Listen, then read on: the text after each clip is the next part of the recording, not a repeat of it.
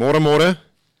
Ja, die regering begin nou vure doodslaan oor hierdie uh berigte. En dis nie net berigte nie, die Amerikaanse ambassadeur uh na Suid-Afrika, Ruben Brigetti, wat gesê dat Suid-Afrika het wapens aan Rusland verskaf vir die oorlog in Oekraïne. Dit het natuurlik 'n groot gevolge, nagevolge wat dit vir die land inhou. Amerika een van ons grootste handelsvennote en uh die risiko ontstaan nou en is nou daar dat Suid-Afrika heel moontlik uit ons of daardie lonende AGOA ooreenkoms met Amerika weggelaat gaan word. Dat ons nie meer daardie voordele gaan geniet van hierdie ooreenkoms nie dat in en uitvoere na Amerika in die hek gaan duik weens ons vreemde verhouding wat ons steeds met Rusland wil handhaaf.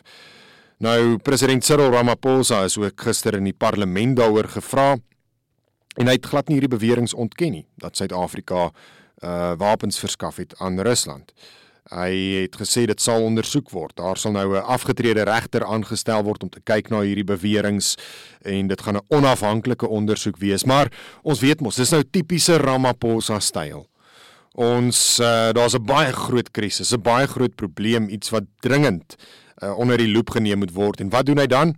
Nee, wat? Ons gaan 'n kommissie van ondersoek aanstel of ons gaan uh uh jy weet, dit gaan baie lank vat voordat ons agter die kap van die byl kan kom van wat presies hier gebeur het. So Ek weet nie of dit met die nodige erns hanteer word nie. Nou wat is die bewering? Vroeger die jaar het daar 'n Russiese uh, skip hier in Simonstad hawe vasgemeer, die Lady R, en daar is toe 'n vrag afgelaai en 'n vrag weer opgelaai.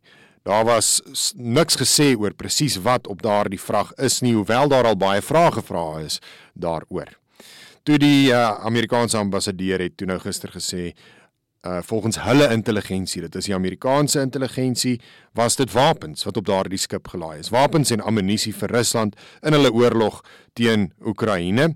Wat beteken Suid-Afrika se houding en se standpunt dat ons neutraal staan in hierdie oorlog tussen Rusland en Oekraïne is heeltemal onwaar. Ons kan nie 'n neutrale uh, standpunt meer handhaaf nie. Ons is besig om wapens en ammunisie te verskaf aan Rusland.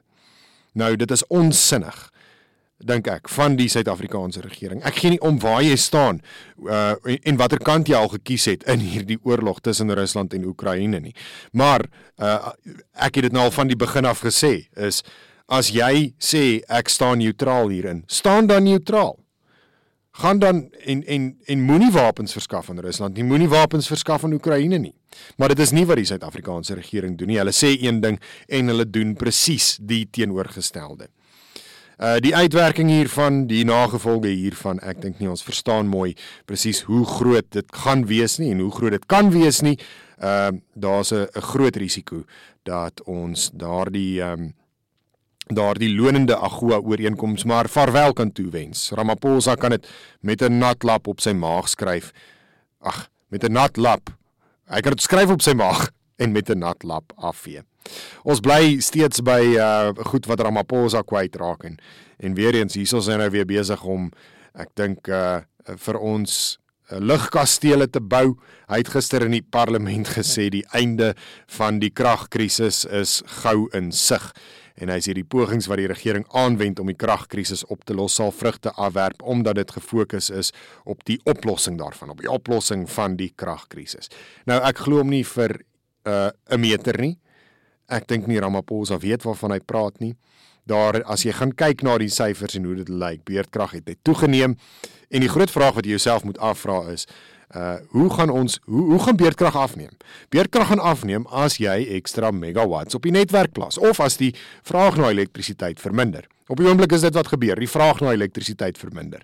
Maar dis nie wat jy wil hê nie, want dit beteken beteken ook ekonomiese aktiwiteit is besig om agteruit te gaan. So, ons moet ekstra megawatts op die netwerk plaas.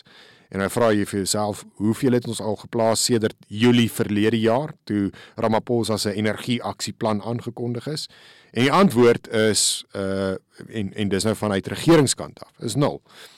Daar is nog geen van hierdie projekte, al al die projekte is nog in die pipeline. Uh daarso is opwekkingsprojekte. Maar daar is nog nie 1 megawatt ekstra op die kragnetwerk gevoeg deur hierdie goed wat alles in die pipeline is nie. En uh dan is dit ook nogal uh, interessant om te lees presies wat die plan is en Ramaphosa wat gesê het dat ons maar moet kyk na Turkse kragskepe, na Car Powership om vir ons uh, ekstra krag te lewer. So ja, dit is iets wat Gweri Mantashe hard voorveg en dit is iets wat Ramaphosa nou in die parlement herhaal het en ek dink dis iets wat ons kan verwag is hierdie kragskepe. Want dit is nou wat die regering soek. Dit is die korttermyn oplossing. Ehm um, mens moet vir jouself afvra, het ons dit nodig? Ja, ons het dit nodig maar dan moet jy ook daarby vra wie baat hieruit. En as iemand soos Kweri Mantashe hard daarvoor druk, moet jy jouself afvra baat die ANC regering nie dalk uit hierdie nuwe kontrak nie. Dis maar waar ek dit vandag laat. Mag jy 'n heerlike naweek verder hê. Uh baie dankie ook vir almal wat uh aan uh aangesluit het by die kanaal en ek uh, wil ook dankie sê aan my um vriend Isak Du Plessis wat hierdie kanaal uh vroeër die week ook uh so bietjie geadverteer het is lekker as mense uh, nuwe intekenare kry en ek hoop julle vind hierdie darm maar insiggewend. Ek ek sien ook die kritiek en ek sien ook die uh die voorstelle. Die die gesig sal binnekort gewys word. Ek moet natuurlik net eers uh die kameras en al die nodige toerusting kry om dit te kan doen. En uh die kritiek oor die klank, ek hoop uh, dit is daarom opgelos. Ek praat nou mooi hard en duidelik reguit in die mikrofoon in en probeer om so min as moontlik my kop te draai. Maar soos altyd uh, en dis maar ook afsluit, sê ek vir jou groete by die huis.